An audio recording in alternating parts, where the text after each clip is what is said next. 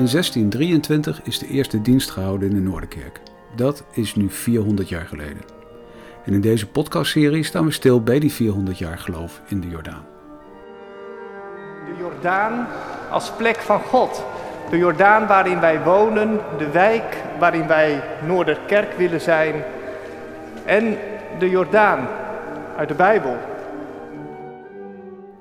We gaan in gesprek met oude predikanten van de Noorderkerk en met vier stadspredikanten uit Amsterdam. En we luisteren naar vier Jordaanpreken, waarin dominee Johan Visser en Dick Wolters ingaan op de relatie tussen de Jordaan als wijk en de rivier uit de Bijbel. Maar hier qua vorm en inhoud van het gebouw is natuurlijk fantastisch. De preekstoel centraal en de mensen eromheen. Ja, dat is geweldig. Dat je zegt.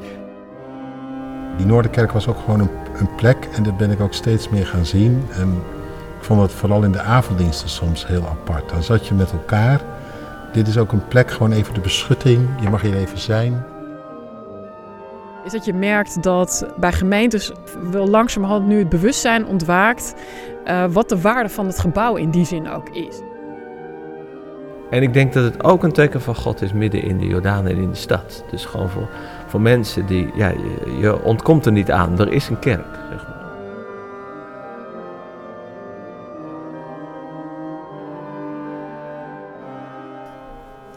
In de vijfde aflevering in deze serie podcasts over 400 jaar Noorderkerk gaan we verder met de overdenking van de Jordaan en de Bijbelse mokum. We luisteren naar een preek van dominee Dick Wolters over de Jordaan als plek waar wonden worden geheeld. De inleiding is van Marja Sijpenstein. Opgenomen op 26 februari 2023 in de Noorderkerk te Amsterdam.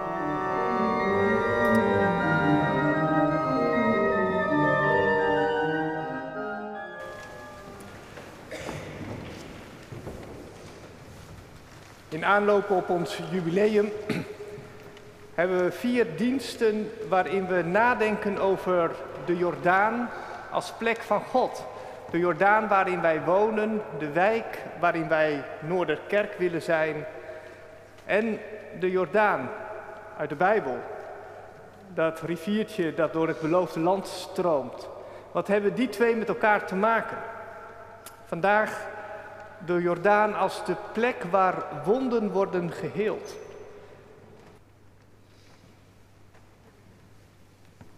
Twee verhalen uit de Jordaan. De eerste uit de Bijbel.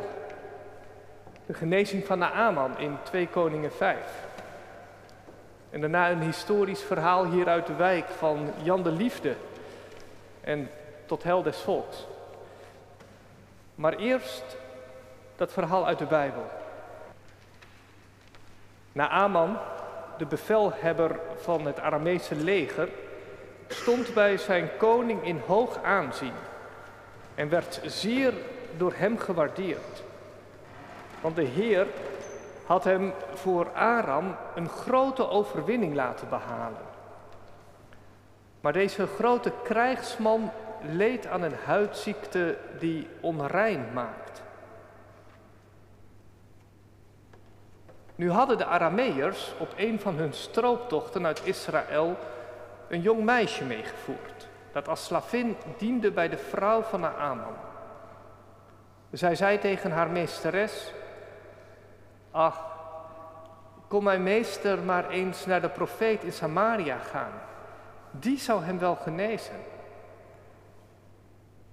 Naaman ging naar zijn heer en vertelde hem wat het meisje uit Israël had gezegd. Daarop zei de koning van Aram, ga erheen ik zal u een brief meegeven voor de koning van Israël. Naaman ging op weg met tien talent zilver bij zich, zesduizend shekel goud en tien stel kleren. In de brief die hij aan de koning van Israël overhandigde stond het volgende. Met deze brief stuur ik mijn dienaar Naaman naar u toe, om door u van zijn huidziekte te worden genezen. Zodra de koning van Israël de brief gelezen had, scheurde hij zijn kleren en riep uit: Ben ik soms God, dat ik kan beschikken over leven of dood? Hij stuurt mij deze man om hem van zijn ziekte te genezen. Let op mijn woorden. Hij is uit op een conflict met mij. Toen de godsman Elisa hoorde dat de koning van Israël zijn kleren had gescheurd, liet hij hem vragen: Waarom hebt u uw kleren gescheurd? Laat die man bij me komen. Dan zal hij merken dat er in Israël een profeet woont. Naaman reed met zijn wagen naar het huis van Elisa.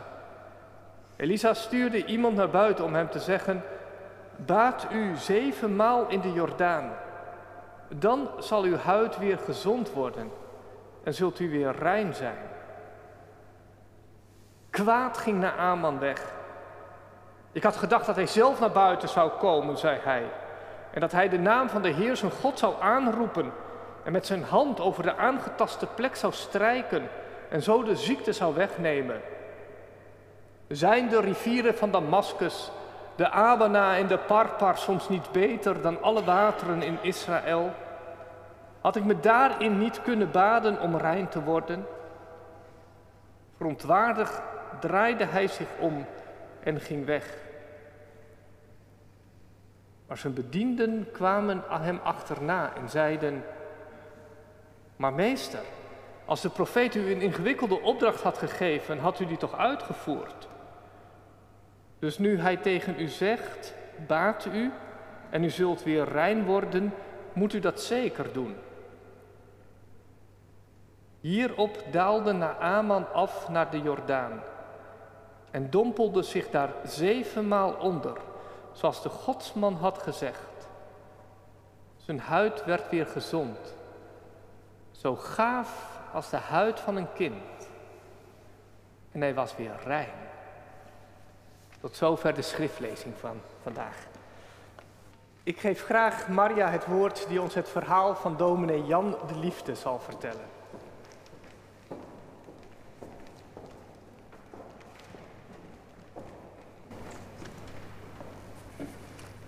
Ja, goedenavond. Jan de Liefde. Ik vermoed dat um, sommige mensen denken dat ze nog nooit van hem gehoord hebben. Dus het leek me eigenlijk leuk om uh, te vragen wie er is grootgebracht met het kindergebed. Ik ga slapen, ik ben moe. Misschien leuk om even de hand op te steken. Kijk, nou, dan kennen we allemaal iets van hem. Oké, zo beter. Ja. Uh, en hierna zingen we nog een lied wat, uh, wat we misschien wel kennen en wat ook door hem uh, vertaald is. Allard Pierson, dat is ook een bekendere naam voor veel van ons, van het museum. En hij was een vriend van Jan de Liefde en hij typeerde hem als een mens van heel veel talenten. Een schrijver, redenaar, dichter, componist, humorist en theoloog. Uh, en ik uh, wilde eigenlijk beginnen met een soort mini-verhaaltje van Jan de Liefde als schrijver. Uh, omdat het een heel mooi beeld geeft, A, van de tijd waarin hij leefde en werkte, de 19e eeuw. Anne Berte vertelde daar vorige week al over, over de tijd van enorme armoede en overbevolking in de Jordaan. het geeft ook een gevoel bij hoe hij gelooft en hoe hij preekte over, over God als een genadige God die ja, alles als een geschenk geeft en dat je niks zelf kan verdienen, maar ook niet hoeft te verdienen. Um, en ook um, over hoe hij werkte, hoe hij zich geroepen voelde voor de mensen in de rand van de, van de samenleving in feite. En ik lees het in zijn eigen 19e eeuwse Nederlands. De arme Geertrui was ene weduwe die vier kleine kindertjes had. Op zekere avond had zij geen brood meer en haar kindertjes hadden honger. Toen vouwde zij de handen en bad tot God. Want zij diende de Heer en zij wist dat Hij alleen haar helpen kon. Toen zij gebeden had, zeide haar oudste zoontje: Moeder, staat er niet in de Bijbel dat God eenmaal raven gezonden heeft om aan een vroom man brood te brengen? Ja, mijn kind, zeide de moeder, maar dat is al heel lang geleden. Wel, zeide het zoontje, dan kan God ons ook wel raven zenden. Ik zal de deur maar openzetten, anders kunnen zij niet binnenvliegen. Wip liep hij naar de deur en zette haar wagenwijd open, zo dat het licht van de lamp naar buiten scheen. Het duurde niet lang of daar kwam de burgemeester voorbij. Toen de burgemeester de deur zag openstaan, trad hij binnen en zei: België, trui, hoe staat nog zo laat uw deur open? Och, meneer, zei Geertrui, dat heeft de kleine Dirk gedaan. Want hij denkt dat God ons raven zenden zal om ons brood te brengen. Toen de burgemeester dat hoorde, kwamen hem de tranen in de ogen. Hij liep voort naar huis en zond de meid met ene mand met brood naar de arme Geertrui. Toen de meid met al dat brood binnenkwam, begonnen de kinderen te zingen en te dansen. Moeder gaf hen elk een dikke snede en dat smaakte als koek. En toen ze gegeten hadden, ging Dirk naar de deur en riep: Ik dank u, lieve Heer. En toen hij dat gezegd had, deed hij de deur weer dicht. Met een G. Jan de Liefde was oorspronkelijk doopsgezind, maar hij werkte in zijn leven ook heel veel met hervormden en in de baptisten en vrije evangelie gemeenten. Hij heeft heel hard gewerkt. Hij kon heel boeiend vertellen en ook met humor, maar hij was ook heel radicaal en ook wel prikkelend. Uh, dat hij echt altijd zei dat alles van een geschenk van God is en dat je niks zelf kan verdienen en hoeft te verdienen. Dat maakte dat mensen ook wegliepen, want het was ook de tijd waarin de vrijzinnigheid uh, opkwam. Maar er kwamen ook honderden nieuwe mensen juist om die boodschap te horen. En het, uh, de omkeer in zijn eigen leven kwam toen hij al dominee was en toen hij op een keer in een koets zat op zijn 25e verjaardag. En um, hij las een boek en ineens realiseerde hij zich wie God echt was. En dat is weer een mooie parallel met het verhaal van de Aman wat we gehoord hebben, die in een koets naar de Jordaan ging en daar genezen werd en eigenlijk de God van Israël leerde kennen. En een andere parallel is, is het contrast tussen arm en rijk en tussen belangrijk en onbelangrijk. Um, waar Naaman eigenlijk niet kon geloven dat op zo'n onaanzienlijke plek iets kon gebeuren, uh, legde Jan de Liefde eigenlijk altijd de nadruk erop dat het om je hart gaat en niet om je buitenkant. En um, hij schreef heel veel, hij preekte daarover, maar hij schreef ook heel veel omdat hij heel veel mensen wilde bereiken met, uh, met het goede nieuws. En um, ik heb nog een heel klein gedichtje waarin ook dat tegendraadse van hem wel mooi um, te horen is. Dan schrijft hij: Een man op klompen in bedelaarslompen is dikwijls meer dan al die heertjes met mooie kleertjes bij God de Heer. Het oog des Heren ziet door de kleren ons in het gemoed. Of het kleed niet fijn is, zo het hart maar zijn is, dan is het goed. Hij was ook een, een dominee van Trevij, net als mensen als uh, Isaac de Costa, die kennen we beter ook. En het was in die tijd een uh, opwekkingsbeweging in de kerk waar men zocht naar een evenwicht tussen dogma aan de ene kant en aan de andere kant meer aandacht voor beleving van het geloof en het hebben van een relatie met God, maar ook voor maatschappelijke bewogenheid. Nou, hij had dus zelf heel veel vrienden in de maatschappelijke en de kerkelijke elite, maar hij voelde zich echt geroepen om aan armen, uh, om er te zijn voor, voor armen en om hen iets anders te bieden dan het socialisme en het anarchisme van die tijd. In zijn uh, biografie staat dan dat hij op een gegeven moment ergens hier op een bruggetje staat over een van de meest stinkende grachtjes van de Jordaan. En dan zegt, zegt hij tegen een broeder van misschien kunnen we proberen om Christus zichtbaar te maken in dit oord van ellende en duisternis. Want juist hij is gekomen om het verlorene te zoeken. Um, en hij ziet dan een, een, arme vrouw en die is viskisten aan het schoonmaken, vrouw Schouten. En hij vraagt dan of hij bij haar in huis een bijbellezing mag houden. En uh, de eerste avond dat hij dat doet, zijn er uh, vijf vrouwen en een uh, blinde orgeldraaier. En een heel klein groepje dus, maar het worden er steeds meer, tot er uiteindelijk wel 200 mensen in het huisje gepropt zitten. In het binnenplaatsje en in de bedstee. En nou, tot het echt niet meer gaat, en dan moeten ze een, een, zaaltje zoeken. Um, nou, en hij ging ook de wijk in en had hij onder zijn ene arm een Bijbel en onder zijn andere arm een turf. Uh, en hij stichtte bewaarscholen voor, uh, voor jongeren, voor kinderen eigenlijk. En daar konden ze de hele dag zijn, dus van 9 tot 6. En op zondag was er zondagschool. Um, onder andere de Willemstraat, wat vroeger de Goudsbloemgracht was. En er staat, het is een beetje een klein plaatje over, van op je liturgie. Dan kan je wel een beetje zien hoe het er, hoe vroeger eruit zag en hoe armetierig. Um, en ook die, die scholen die hij stichtte, die waren wel heel vol, maar ze waren schoon. Er waren goede leerkrachten. En de kinderen kregen te eten, ze kregen kleren, ze kregen het evangelie te horen. Um, nou ja, en, ze, en ze kregen een toekomst als het ware. Um, nou, en de, Jan de Liefde hield heel erg van de mensen, hij hield heel erg van het hele volk. Dus hij stichtte de Vereniging tot Heil des Volks.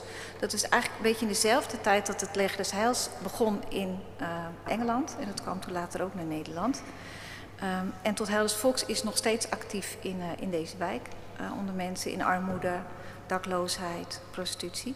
Um, en nog steeds met hetzelfde doel, dat Jezus zichtbaar wordt. En wat ook heel mooi is, dat er eigenlijk een hele oude band is ook tussen Tot Heil des Volks en de Noorderkerk. Van alle de jaarlijkse kerstvieringen, uh, ook praktische hulp, pastorale hulp. En de laatste tijd natuurlijk ook de winkel van Schalaken Koort hier.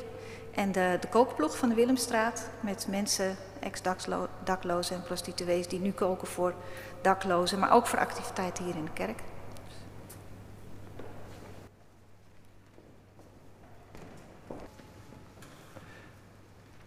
Gemeente van ons Heer Jezus Christus. Dinsdagavond kwart over zes. Ik loop met een grote steekkar vanaf de Willemstraat hier naar de Noorder. Vervoer twee grote gele warmhoutbakken met daarin eten gekookt bij THDV. Elke dinsdag worden daar 250 maaltijden gekookt voor daklozen hier in de stad. Een groep van ex-prostituees, van thuis- en daklozen bereiden dat voedsel. En tegenwoordig koken ze gewoon een beetje extra. Voor ons, voor de Alpha-cursus. En terwijl ik daar loop, denk ik, is dit niet een beetje de omgekeerde wereld? Dat zij voor ons koken. Zouden wij niet voor hen moeten koken? En misschien herken je wel dat, dat ongemak dat je kunt hebben als je hulp uit onverwachte hoek krijgt. Als je opeens advies krijgt van iemand die jij begeleidt. Dat iemand een arm om je schouder heen legt terwijl hij zelf intens verdriet kent. Dat je bemoediging krijgt van iemand die je lang hebt genegeerd.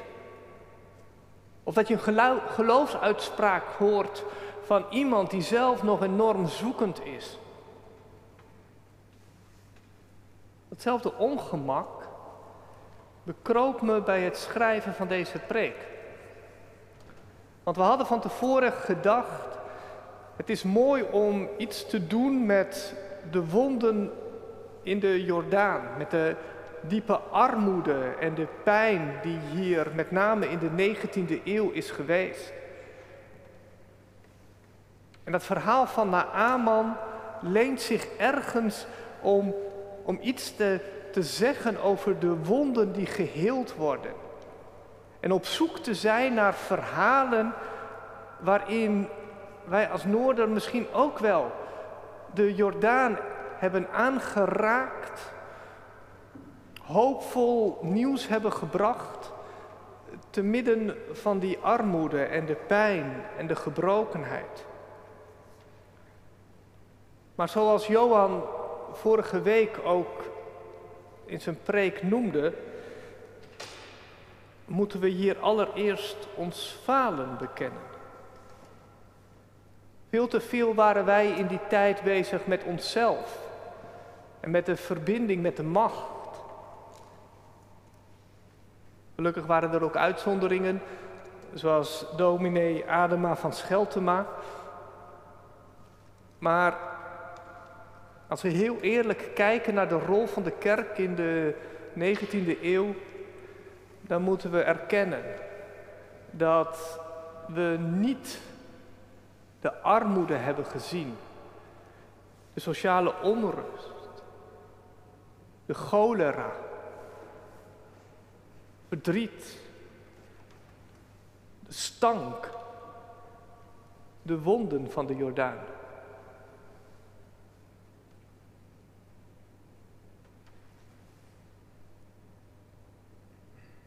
Maar God zij dank. En er dan mensen die aan de marge van de kerk Misschien wel tegen de kerk in iets laten zien van wat God bedoeld heeft. Want Maria was nog wel heel aardig voor ons. Maar Jan de Liefde had niet zo'n hele goede band met de Noorder en met de hervormde kerk. En moest ook tegen het establishment ingaan.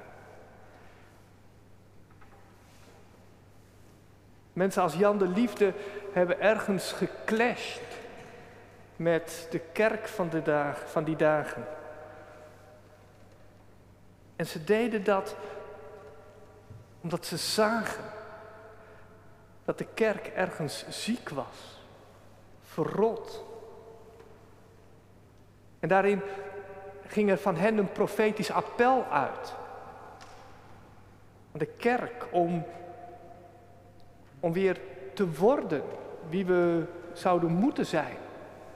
Volgelingen van Jezus Christus in deze wereld.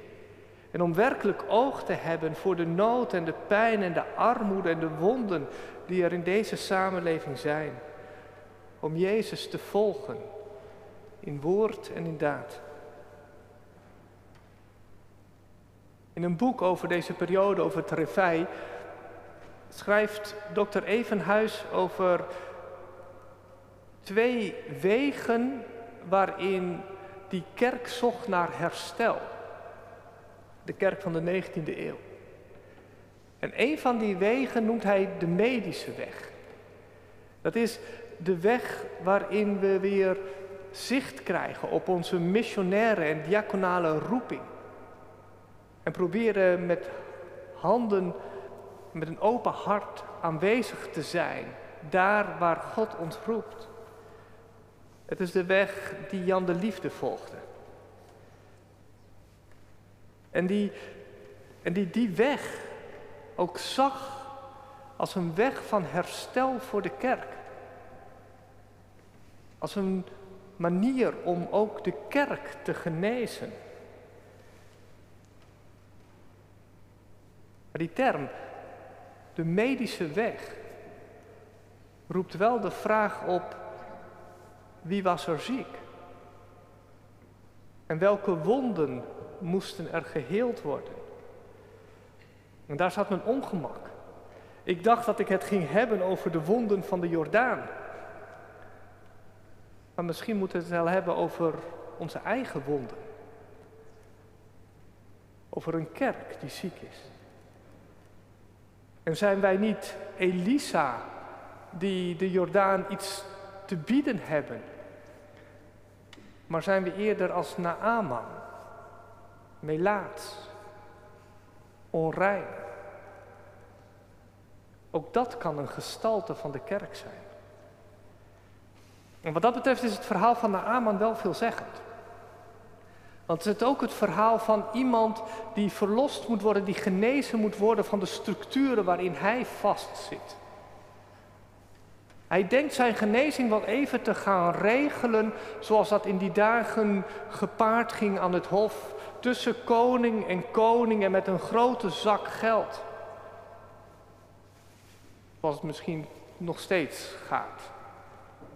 Met macht en met vermogen kom je in deze wereld een eind.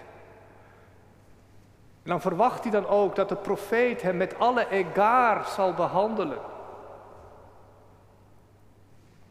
Maar het hele verhaal getuigt van God die een andere weg gaat. Van God die niet de weg van de macht kiest, maar juist van de dienstbaarheid en de kwetsbaarheid. Cruciaal voor Naamans genezing zijn de knechten. Zo'n arm slavenmeisje dat hij uit, uit Israël heeft weggevoerd of de bode van Elisa. En zijn eigen knechten die hem aansporen om toch maar gehoor te geven aan het woord van de profeet. Zonder knechten, zonder slaven in dit verhaal was Naaman niet genezen. En dan hebben we het nog niet eens over de Jordaan. Over die moddersloot in Israël. Waarvan Naaman zelf zegt, zijn de rivieren in Damascus, de Abana en de Parpar niet veel beter? Jazeker, Naaman. Die zijn veel beter. Veel frisser, veel schoner, veel krachtiger. Als je je daarin baat, dan word je veel reiner. Maar daar gaat het even niet om. Afdalen moet je. Door de knieën moet je. De modder in moet je. Want jij moet genezen van een wond die nog veel krachtiger en sterker in jouw leven voortwoekert. Je moet genezen van je hoogmoed. Dus omlaag met jou. De Jordaan in. Tot zeven keer toe. En even voor de duidelijkheid, dat is niet om hem te pesten. De profeet ziet wat zijn diepste wond is. En die wil hij raken. Hij wil hem genezen van zijn hoogmoed. Het heertje dat zomaar een meisje mee kan nemen en kan gebruiken als zijn slaaf. Die het even regelt als koningen onderling. Die gewend is om met de borst vooruit alles gedaan te krijgen. Wie geneest wie? Van welke wond? Zou ik een beetje kort door de bocht kunnen zeggen dat Jan de Liefde als een soort profeet Elisa is. Die ons als Noorderkerk als een soort Naaman wil genezen door ons zicht te laten krijgen voor de Jordaan. Door ons uit te dagen af te dalen, de Jordaan in. En zo rein te worden. Zo weer kerk te zijn zoals God ons heeft bedoeld. En, en, en ligt hier ook, ook dat ongemak van mij.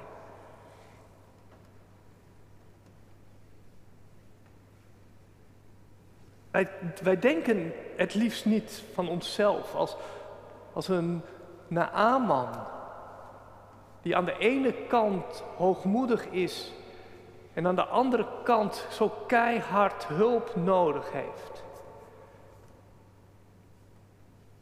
Wij denken het liefst aan onszelf dat we aan de goede kant zitten. En dat wij degene zijn die aanwijzingen kunnen geven en hulp kunnen bieden.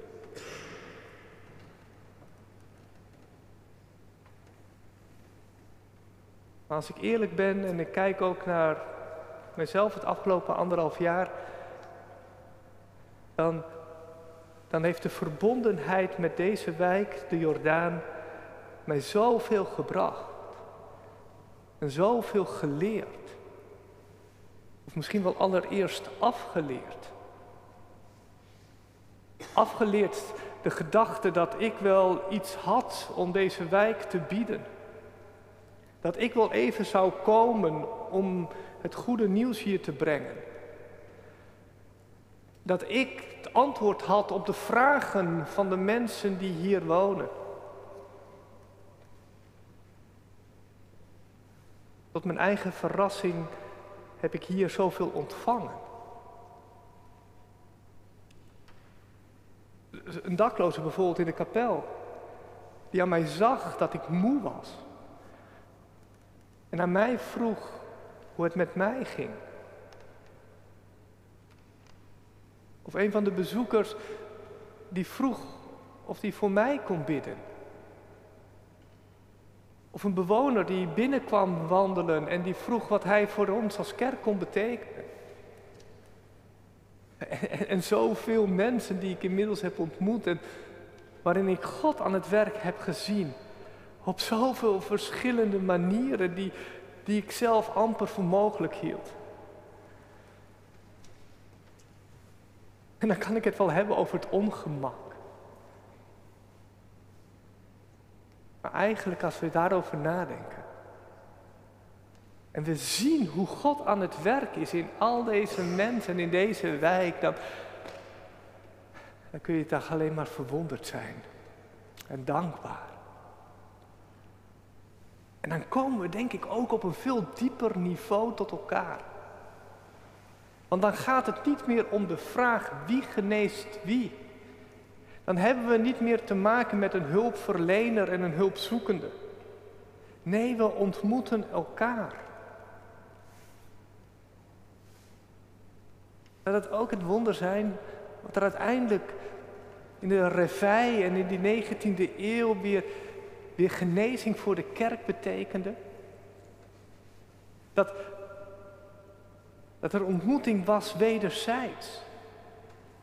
Dat je door de wijk in te gaan en oog te krijgen voor de wonden die daar waren en daarin aanwezig te zijn, ook zelf genezing ontving. Dat die, dat die wijk ook jou aanraakte en genas. Volgens mij is dat een enorme wederkerigheid wat het verhaal van Jan de Liefde bij mij weer de ogen voor opent.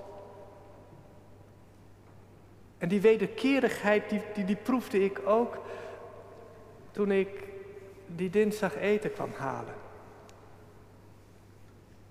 Want dan proef je opeens ook een stukje trots en dankbaarheid dat zij voor ons mogen koken. Een stukje eigenwaarde, wat er is.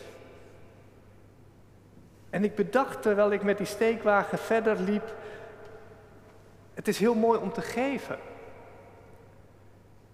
Maar het is ook een kunst om te kunnen ontvangen.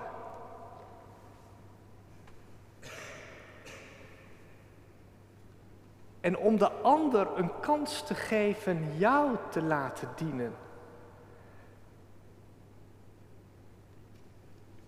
Als kerk zijn we de 40 dagen tijd ingegaan. En volgens mij is het precies op dit punt dat, dat de grootste kortsluiting ontstaat tussen Jezus en zijn discipelen. Ze zien Jezus als hun Heer, die zij moeten dienen. Maar hij blijkt opeens ook een dienaar te zijn, die er niet voor schroomt om, om hun wonden aan te raken. Om, om, om ook de Jordaan af te dalen. En verschrikt zegt Johannes de Doper, uh, u zou mij moeten dopen. Of, of, of de voeten van zijn discipelen te wassen. En verschrikt zegt Petrus, ho, ho, u zult mijn voeten niet wassen in de eeuwigheid. Jezus. Hij is voor mij het toonbeeld van de Heer die knecht werd. Die zich niet voor liet staan op zijn macht, maar die de diepste wonden van deze wereld heeft aangeraakt en geheeld. Ja, de hele Bijbel gaat ons ergens voor in het besef dat, dat om God te vinden, je niet in het gevlei moet komen met de mensen op de grachtengordel. Maar net als Jan de Liefde moet aankloppen bij vrouw Schouten. Gewoon die de viskisten aan het schoonmaken is. En het moet wagen met vijf oude vrouwtjes en een blinde orgeldraaier.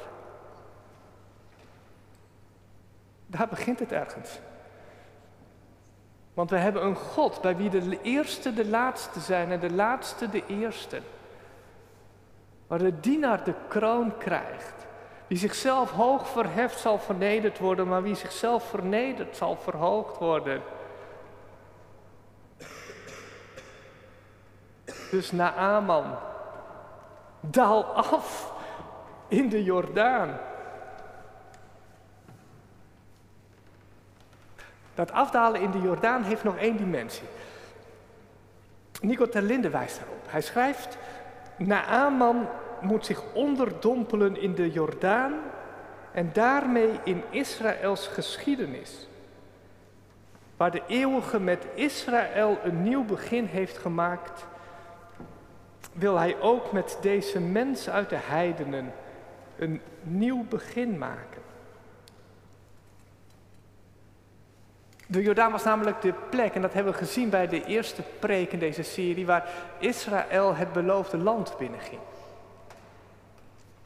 En zegt Linde, door ondergedompeld te worden in de Jordaan, krijgt hij toegang tot deze geschiedenis, de geschiedenis van Israël, die geroepen is om een licht te zijn voor de volken. En dat wordt gelijk duidelijk, want kort nadat ze het beloofde land binnengaan, dan krijgt Rahab en, zijn familie, en haar familie toegang tot dit volk. En zo ook naar Aman op dit plek. Hij mag nieuw worden geboren als lid, als deel van Israël. Ondergedompeld in de geschiedenis van Israël. En dat raakte me, want want we zijn dit jaar bezig met onze geschiedenis. Juist in het kader van het jubileum. En heel vaak denken we na over geschiedenis, of wordt geschiedenis gebruikt, zo zie ik dat in deze samenleving op dit moment gebeuren, als een soort identiteitspolitiek. Waarin je geschiedenis je identiteit versterkt en ervoor zorgt dat je grenzen kunt versterken en anderen buiten kunt sluiten. Maar kun je ook op zo'n manier naar je geschiedenis kijken dat het inclusief wordt? Dat ook anderen deel kunnen krijgen aan jouw geschiedenis. Nou, Aman wordt daarin ondergedompeld. En, ik dacht, dat zou toch mooi zijn als we ook op die manier ons jubileum zouden gaan vieren. Niet dit zijn wij als Noorder, maar juist in een open houding, verbonden met deze wijk en deze stad. Waarvan we juist in deze preek hebben gehoord hoe belangrijk die wederkerigheid is. Want de geschiedenis van de Noorder en van deze wijk gaan ergens hand in hand. En waar wij proberen de wonden om ons heen te helen. Aanwezig te zijn in de nood en gebrokenheid die we ook in deze stad vandaag herkennen en zien.